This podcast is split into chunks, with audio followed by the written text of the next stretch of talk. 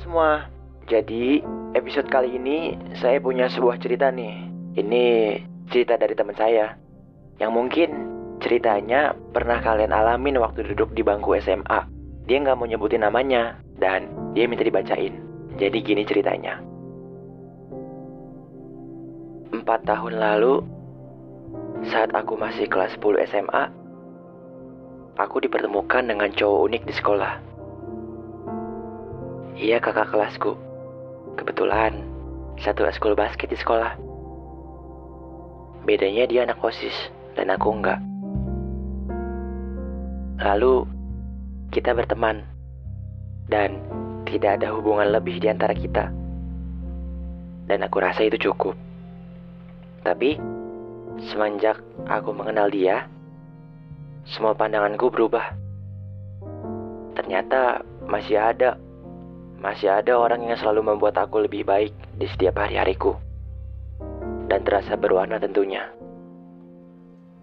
Selama dua tahun aku lewatin sama dia, kita jarang banget untuk main.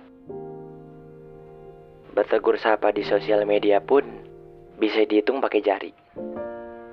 Tapi dengannya aku merasa cukup.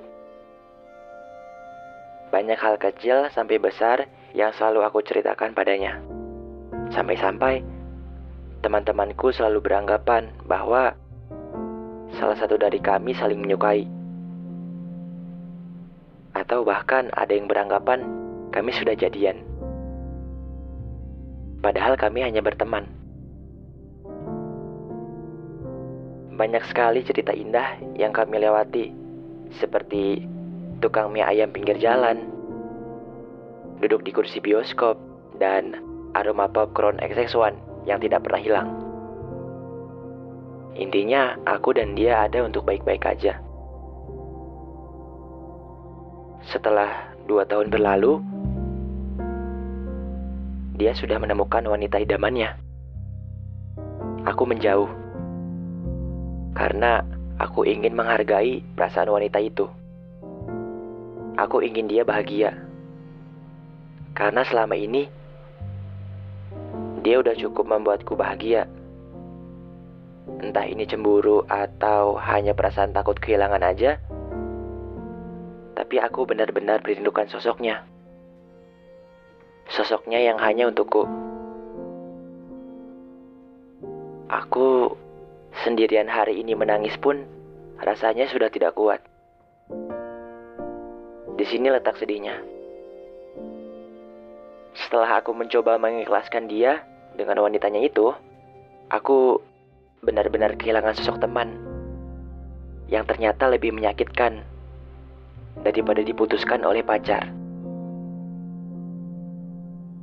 Dan betapa kagetnya aku, ternyata Selama dua tahun berteman sama dia, aku baru tahu kalau dia datang hanya karena merasakan kesepian. Dan entah kenapa, orang yang menjadi samsa kesepian itu aku. Yang lebih parahnya lagi, selama dua tahun itu, dia justru memendam sebuah perasaan. Sebuah perasaan kepada temanku sendiri. Justru saat keduanya bertemu, terlihat ia bertingkah beda. Aku lihat dia merasa canggung, tapi saat bersamaku, ia tampil ya apa adanya, tidak jaim, tidak merasa malu, dan ya layaknya cowok normal yang tidak punya sesuatu yang disembunyikan. Dan berarti Selama ini aku cuma jadi tempat persinggahan aja. Tempat cerita. Dan tempat untuk merasakan kesepian itu bisa hilang. Entah apakah aku yang terlalu menaruh hati pada dirinya. Sampai-sampai aku merasa nyaman dibuatnya. Dan aku percaya, bangunan kokoh bernama kepercayaan yang telah dia bangun dulu hancur. Dan menambah kekecewaan yang sudah ada. Semua ucapan dia yang selalu menguatkan ternyata hanya omong kosong. Kalau dia salah satu pendengarmu, tolong sampaikan padanya ya Selamat berbahagia. Terima kasih karena telah membuat aku bahagia, walau aku tahu itu cuma kebohongan. Terima kasih karena telah membuat aku menjadi tempat persinggahanmu selama dua tahun itu. Dan terima kasih juga karena telah menjadi pendengar dan penasihat yang baik. Salam ya. Titip salam untuk wanitamu itu. Makasih kalau lukamu ternyata hebat.